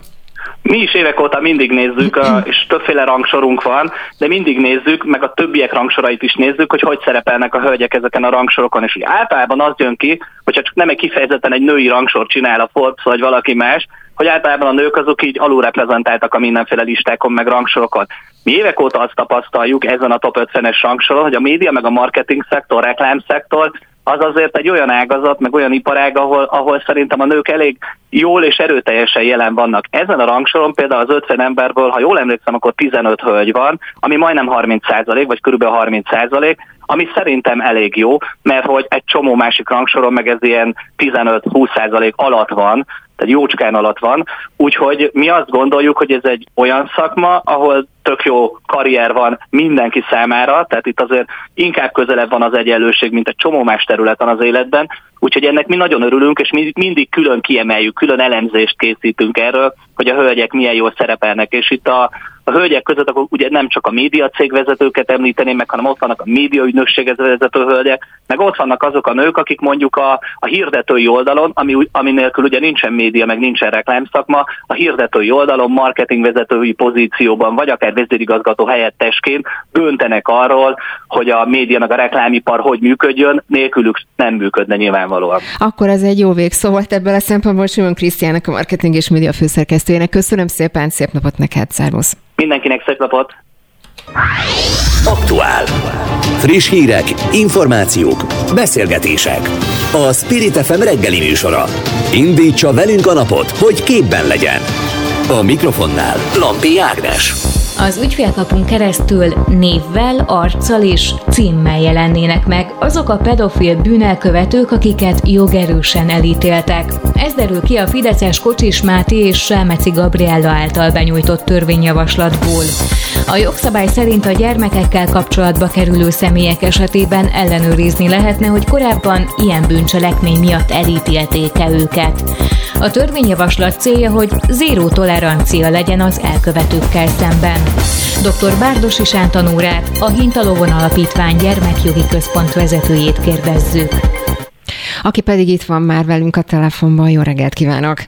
Jó reggelt kívánok! Ugye tegyük még hozzá, hogy, a, hogy azt a tervek szerint ugye létrehoznak egy név szerint kereshető ilyen pedofil nyilvántartást, és ezzel teszik lehető, hogy hozzátartozók vagy a gyermekek nevelését, felügyeletét, gondozását ellátó ö, személyek ellenőrizhessék, hogy mondjuk a gyermekekkel közvetlenül kapcsolatba kerülőket, ö, ö, tudom, iskolai dolgozókat, babysittereket, edzőket korábban mondjuk elítélték-e gyermeksérelmére elkövetett szexuális bűncselekmény miatt. Kocsis Máté ugye azt mondta, hogy mindez a magyar büntetőjog rendszerébe beilleszthető, és a lehetőségeket nézve elmentek a falig. Egész konkrétan így fogalmazott. Ön is így látja, hogy mennyire lehet hatékony, ha működésbe lép ez a rendszer azt látjuk, hogy először is azt kell kiemelni, hogy a jogalkotás terén azért nagyon régóta vártuk már ezeket a változásokat, és nagyon örülünk annak, hogy a tavalyi júliusi ígéretek, ami ugye arról szólt, hogy szigorított törvényjavaslatot fognak hozni, azok ugye így most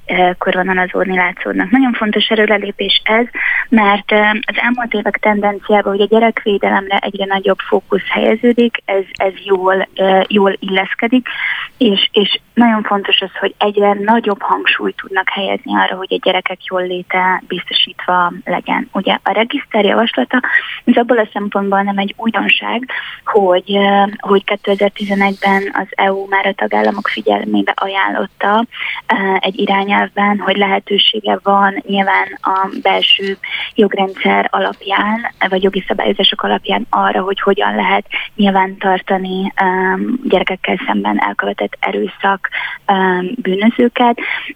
Nyilván most ez, ennek örülünk, hogy belekerült a törvényjavaslatba. És mennyire lehet, vagy lesz visszatartó ereje mindennek? Mit gondol? Kocsis Máté azt mondta, hogy ha elkapják az elkövetőt, akkor rémálom lesz az élete. Tehát, hogy ez most egy olyan szintű változtatás hozhat, ami esetleg visszatartó erővel is bírhat, ön hogy látja? Hát ez nagyon jó lenne, és nyilván ezt majd évekkel később fogjuk látni a statisztikákból, hogyha összevetjük a korábbi évek bűncselekményeit azokkal a bízunk benne, hogy minél kevesebb bűncselekménye, ami a következő években fog történni.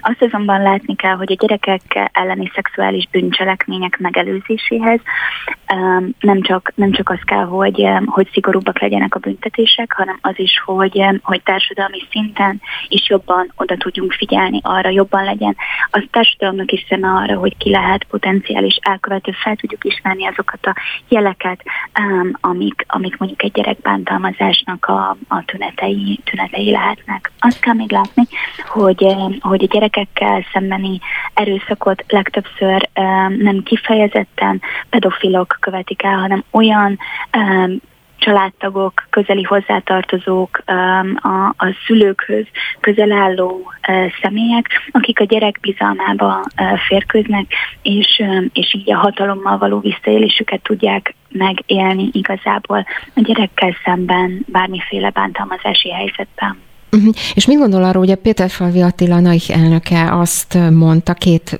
fontos részrevétele volt, azt mondta, hogy uh, szerinte meg kellene jelölni mondjuk az okot is arra vonatkozóan, hogy miért szükséges a célból, tehát egy célból a nyilvántartáshoz való hozzáférés, tehát hogy meg kellene indokolni az adatigénylést, mert és hogy a jogalkotónak azt is definiálnia kellene, hogy mit jelent mondjuk a harmadik személy vagy a terjesztés, tehát hogy mondjuk a megszerzett információ információt az ahhoz hozzáférő személy adott esetben mondjuk továbbíthatja, nem tudom, nagyszülőknek, vagy, vagy bárki másnak, aki, aki ebben érintett lehet.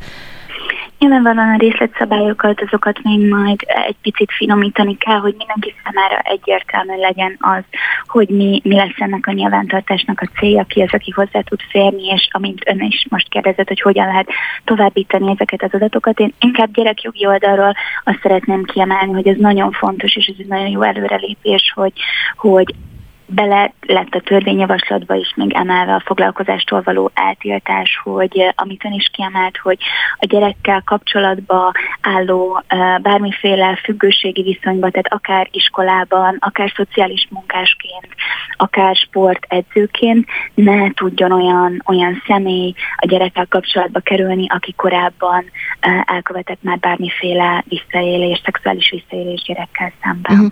Uh-huh. Még egy dolog, hogy hogy lát látja, hogy mondjuk a pszichiátriának a szerepe, tehát mondjuk a pszichiátriai kezelés ezekben az esetekben, akár a pedofilok esetében, akár a gyerekek esetében, ezt mennyire kellene erősíteni, vagy lehet-e egyáltalán erősíteni mondjuk ennek a csomagnak a keretében? Um, én gyerek oldalról tudok nyilatkozni Igen. ebben gyerekjogi alapítványként. Az mindenféleképpen nagyon fontos lenne, hogy az áldozatok, akik egy ilyen bűncselekmény áldozatává váltak, az ő megerősítésük ebben a, ebben a helyzetben nagyon, nagyon fontos lenne. Tehát az, hogy ők tudjanak ellátást kapni, az lenne a prioritás szerintem mindenféle szempontból. Biztos, hogy beszélünk majd még akkor erről a kérdésről dr. Bádosi Sántanórának a Hintalomon Alapítvány központvezetőjének. Nagyon szépen köszönöm, hogy ezt elmondta. Viszont hallásra. Köszönöm. Aktuális közlekedési helyzetkép a fővárosból, a BKK Info szakemberétől, a Spirit FM reggeli műsorában. Csúcsidő. Így van, és Pongrász Dániel itt van velünk, újra. Jó reggelt kívánok! Jó reggelt kívánok! Hát azt látom, hallom, nézem, hogy történt már baleset a Robert Kájolt körúton, ha jól látom. Igen, több helyszínen is, az egyik az valóban a Robert Károly körút, méghozzá a Lehel utca után az Árpád híd felé, de van még baleset a Baros utcában és a Leonardo da Vinci utcánál, és kicsit kijebb az Üllői út 18. kerületi szakaszán a Cifra György utcánál is mind a három helyszínen torlódásra készüljenek. Az mit jelent, mekkora ez a bizonyos torlódás? Mert most mindenki akkor nyilván, aki esetleg arra megy, most átgondolja, hogy másfelé keressen esetleg menekül, menekülő útvonalat, vagy azért valamennyire lehet mégiscsak közlekedni. Szóval mekkorák ezek a torlódások? Lehet haladni azért szerencsére, mert ezek a balesetek általában csak ilyen egy sávot foglalnak el, a Robert Károly körúton azért van, van még mellette hely, Szóval szerintem nem érdemes kerülni. Mi a helyzet, a tő, mi a helyzet mondjuk a belvárosban, a kisebb utcákban? A belvárosban a Bajcsi Zsilinszki út és az Andrási úton nehéz a haladás az Erzsébet tér előtt, valamint a Clark Ádám tér, illetve a Szélkámán térre vezető utakon a terek közül, hidaknál pedig az Erzsébet híd, illetve a Margit híd, ami zsúfolt. Tehát akkor tulajdonképpen a, mondhatjuk úgy, hogy a szokásos útvonalakon nehéz közlekedni, de azért kell mondjuk plusz időre számítani, hogyha valaki mondjuk a város egyik végéből a másikba szeretne eljutni, szóval mennyivel, mennyi, mennyi időt számoljon rá, ha egyáltalán kell? Hát az ilyenkor megszokott idő az elfogadható olyan értelemben, hogy most már azért ilyen 9 óra környékén már csökken ez a csúcsforgalom. A dolgozók többsége már azért beért a munkahelyére, meg az iskolákba is, illetve ahova igyekeztek, szóval most már jobb lesz a helyzet. Akkor ezzel a jó hírrel zárjuk. Köszönöm szépen Pongrácz Dánielnek a BKK-tól. Szép napot, szervusz! Viszont kívánom, szervusz! Spirit FM 92.9 A nagyváros hangja az elmúlt években komoly lendület bontakozott ki a hazai ingatlanpiacon, még a konjunktúra időszakában is akadnak olyan ingatlan típusok és adottságok, amelyektől óvakodnak a vevők. Balla Ákos ingatlan szakértőt kérdezzük, hogy milyen ingatlanokat utálnak most a vevők. Jó reggelt kívánok Balla Ákosnak! Jó reggelt kívánok! Jó reggelt kívánok! Hát ugye azt hallhattuk itt a bejátszóban, hogy vannak olyan ingatlan típusok, amelyeket utálnak a vevők, vagy inkább óvakodnak tőlük. Melyek, melyek ezek? Nagyon sokan azt gondolják, hogy a drága ingatlanokat nem szeretik a vevők, de ez nem igaz, mert ugye minden ingatlan kategóriában vannak olcsóbbak, drágábbak, és minden ingatlan kategória, még azok is, amiket azt hinnénk, hogy olyan annyi pénz nincsen, amennyit az ingatlan vásárlására lehet fordítani, még ezek az ingatlanok is elkelnek. Tehát az ára az ingatlannak valójában nem kizáró tényező, vagy nem egy olyan negatív tényező, ami ingatlanokat ellehetetlenít a piacon. Problémák inkább akkor vannak, hogyha egy ingatlan jogi helyzete mondjuk negatív, tehát problémás, más, hogyha egy ingatlan körül nincsenek rendben a, a földhivatali papírok, ha egy ingatlan körül nincsenek rendben, akkor a tulajdoni viszonyok örökség alatt van, ter alatt van, vita alatt van, telekhatárrendezési problémák vannak. Tehát azok a problémakörök, amik egyébként hosszú távon problémát okozhatnak az átlagos vásárlónak, illetve ami az átlagos vásárló számára átláthatatlan, beláthatatlan, ugye ebbe a jogi negatív kategóriába esik. Ezek az ingatlanok már lehet, hogy tetszenek, lehet, hogy az árát is megtalálná a vevő és az eladó egymással, mégis a vevő a végén visszalép, vagy nem szeretné ezeket megvásárolni. Ez például egy olyan problémakör, ami a nem szeretemet uh-huh. túl szoktam mondatni az emberek. És egyébként ezek a problémák mennyire derülnek ki mondjuk egy értékesítés során, mert sokszor hallani olyan történeteket, hogy, hogy ezek a jogi problémák, ügyek nem is az értékesítésben, hanem aztán utána derülnek ki. Ezek mennyire jellemzőek ezek az esetek? Ez egy nagyon jó kérdés, hiszen ugye az ingatlan hirdetések között talán egyet sem találnánk a mai nappal, ami úgy kezdődik, hogy felsorolom az ingatlan problémáit. Ugye ezeket egy kicsit ki kell bányászni, ki kell kutatni ugye ebből az egész rendszerből, de egyébként ugye erre vannak ugye az ügyvédek, illetve a felkészült ingatlan közvetítő is nagyon sok mindenben fog tudni segíteni, de az ügyvéd pedig ugye kifejezetten ezzel foglalkozik. Tehát nagyon fontos, hogy ne magunk akarjunk minden problémával megküzdeni, hanem vegyünk igénybe segítséget, szakszerű segítséget, eset, ingatlan szakjogászhoz érdemes fordulni, még egy nagyon egyszerű esetben is. Ő áttekinti az ingatlan tulajdonlapját, hogyha ezen lát terheket, bejegyzéseket, még akkor sincsen probléma, tehát akkor sem szabad azonnal elállnunk, ez még nem ok erre, meg kell, hogy nézzük, hogy mi ennek a tartalma, és az ügyvéd el fogja mondani azt, hogy minek mi lehet a következménye, mivel kell foglalkozni, mi az, ami orvosolható. Vannak olyan helyzetek, amikor egyébként például mondjuk egy osztatlan közös tulajdonnál egészen egyszerűen csak nem rendelkeztek arról a felek, hogy pontosan hogyan lehet használni egy megosztott ingatlan. Erre lehet készíteni egy használati megállapodást. Ennek semmi akadálya, hogyha a tulajdonos társak együttműködőek, akkor ezeket a problémákat még rendbe lehet hozni, helyre lehet tenni. A probléma akkor van, hogyha már látszólag sincs egyetértés a tulajdonos társak között, a szomszédok között. Uh-huh. Az is egy jelentős probléma, hogy a szomszéd elhanyagolt állapotú ingatlan például ugye lényegesen rontja egyrészt ugye a látképet, tehát ugye azt, ami ott fogad minket a helyszínen, másrészt ugye valószínűleg hosszú távon is így fog ez maradni, problémákat fog okozni, tehát a szomszédság, a, szó, ugye a tulajdonosok, ezek mind képesek elrontani egy ingatlan adásvételt, hiszen ez ugye hosszú távú problémákat jelent. Igen, ez jó is, hogy felemlegette a szomszédok kérdéskörét, mert sokszor ugye nem is csak, és most a csakot idéző jelbe tettem természetesen, jogi problémák merülhetnek föl, hanem mondjuk sokszor a szomszédnak a személye például is problémát okoz. Én például számtalan ilyen esetet hallottam, amikor ugye utólag derül ki, hogy nincs együttműködés a szomszédok között, vagy éppen egy rigolyásabb szomszédról van szó, és ami szintén utólag tud kiderülni, tehát erre aztán végképp nem lehet felkészülni, gondolom én. Ez így igaz, ugye azzal, hogy megvásárolunk egy ingatlan, nem csak azt a valahány négyzetmétert vásároljuk meg, hanem ugye azt a szomszédságot és azt az utcát, azt az egész környéket rögzítjük ezzel a vásárlással, ahol mi haza fogunk menni, ahol mi a hétköznapjainkat élni fogjuk. De ugye ez a közlekedés szempontjából is nagyon fontos, hogy ugye mennyire van távol, vagy mennyire van közel egy ingatlan a munkahelyünkhöz, ahhoz azok a helyekhez, ahol az ügyeinket intézzük. Tehát ugye nagyon sok múlik azon, hogy hova akarunk költözni. Mondom, ez lehet a szűken a szomszéd, vagy lehet akár egy olyan környék, ami valamiért negatív, rosszul megítélt környék, vagy nehezen megközelíthető, tehát lehet egy tündéri remek környék, csak mondjuk gépjárművel rosszul megközelíthető például.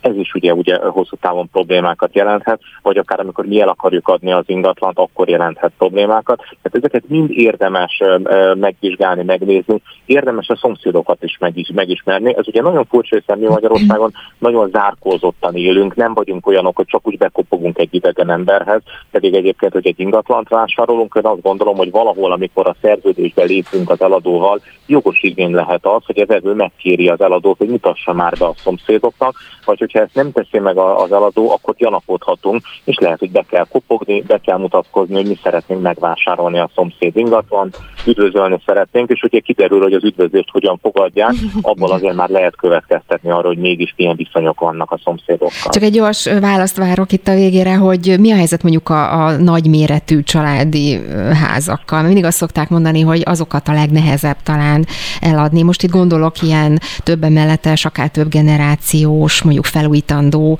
családi házakra. Ezekre mennyire, mm, ezeket mennyire ez tipikus, lehet eladni? Ez is egy tipikus problémakör tekintettel arra, hogy ma már nem szeretnének a fiatalok összeköltözni a szülőkkel, nem jellemzőek a több generációs igények, és ugye ezek az ingatlanok, amennyiben ezek egy régen épült, 70-es, 80-as, 90-es években épült házak, ma már energetikailag, esztétikailag avultak, problémát jelentenek ezáltal. A terek például a garázsbejáró már nem olyan, mint ahogyan ezt annak idején használták. Tehát rengeteg-rengeteg problémakör van, és nagyon kevés vevő van a túloldalon. Ez az ingatlan ettől problémás, hogy ritka keresletre számíthat, és nagyon nagy költségekkel jár mondjuk egy ingatlannak, az én ingatlannak a fenntartása, vagy a felújítása. Tehát ez egy tipikus probléma akkor egyébként a külvárosokban, agglomerációban az ilyen jellegű ingatlanokkal. Balla Ákosnak a Balla ingatlan vezetőjének köszönöm szépen tájékoztatást, és szép napot kívánok viszontlátásra! Köszönöm szépen! Böngésző. Mivel foglalkoznak a vezető internetes portálok? Hogyan találnak egyes híreket? Mire kattintanak a legtöbben? Böngésző. A Spirit FM reggeli műsorának online lapszemléje. Címlapsztorik, értekezések, izgalmas információk. Böngésző. Így van, 8 óra 48 perckor, sőt 49 perckor akkor böngészünk Nagy Teodórával, aki már itt van velem a stúdióban. Miket találtál, milyen híreket, infókat az online térben? Eh, ahogy a, az óra elején is, vagy hát reggel a, szó volt róla, tehát a, sokakat foglalkoztat azt, hogy mikor fogjuk elérni a nyári immunitást, és, és, és ez milyen következményekkel jár. A Telex is ezzel foglalkozott, tehát a vezető híre az, hogy mi lesz, hogyha nem akarják elegen beoltatni magukat, és hogy azt, azt vizsgálják szakemberekkel, hogy hogyha nem mondunk a nyáimmunitásról, amit ugye úgy tudunk elérni, hogy minél többen beoltatják magukat, vagy minél többen ö, átesnek a fertőzöttségen, akkor mi, mire számíthatunk, és, és ebbe is arra következtetnek, ami, vagy arra, az, arra a következtetésre jutnak, amit Rusvai Miklós is mondott nekünk, hogy valószínűleg, a, ha nem lesz elég az, nagy az átoltottság, vagy átfertőzöttség, akkor ősszel újraindulhat a járvány. És ez egy, ez egy erős, erős, erős, erős igen, erős megállapítás.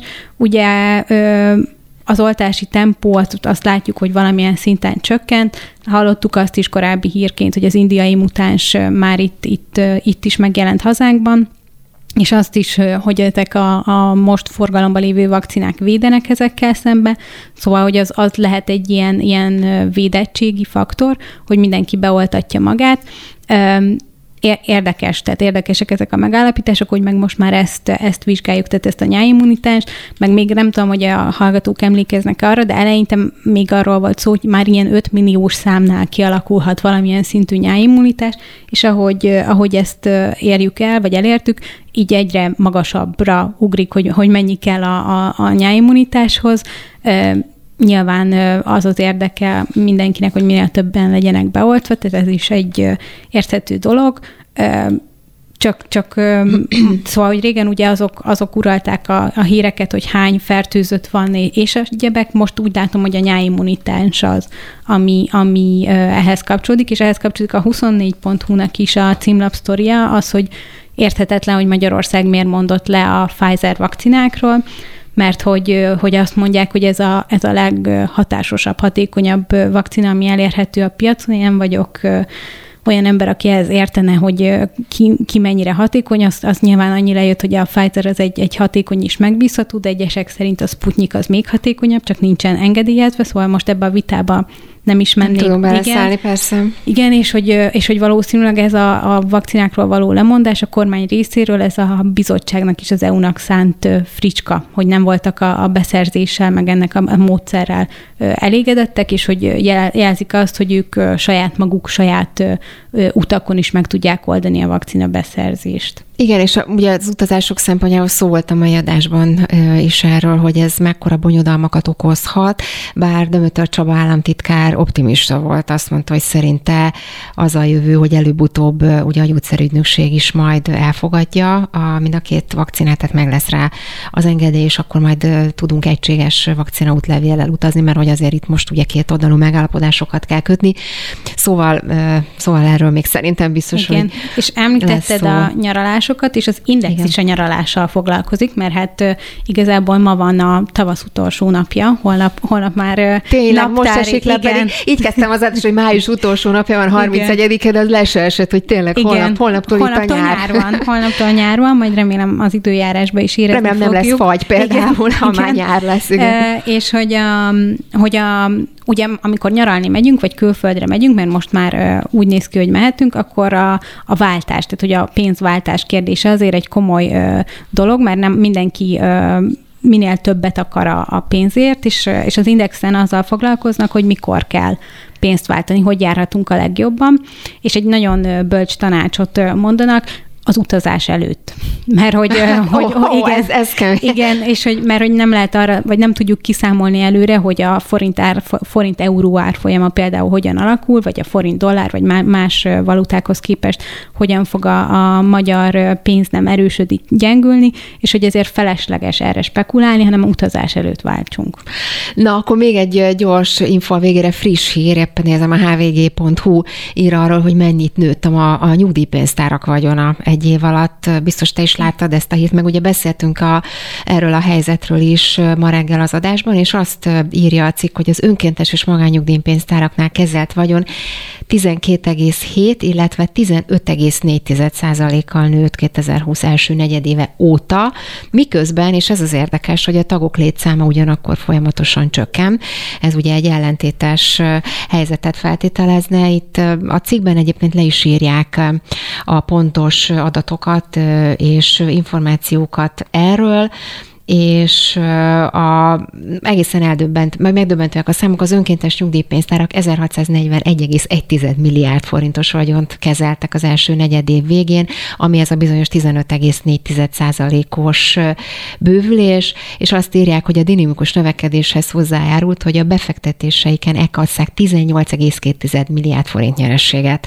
Értek el szemben az egy évvel korábbival bő 100 milliárdos veszteséggel. Tehát azért azt hiszem ideje sóhajtanunk ezekről, a, ha nézzük ezeket a, ezeket a tendenciákat.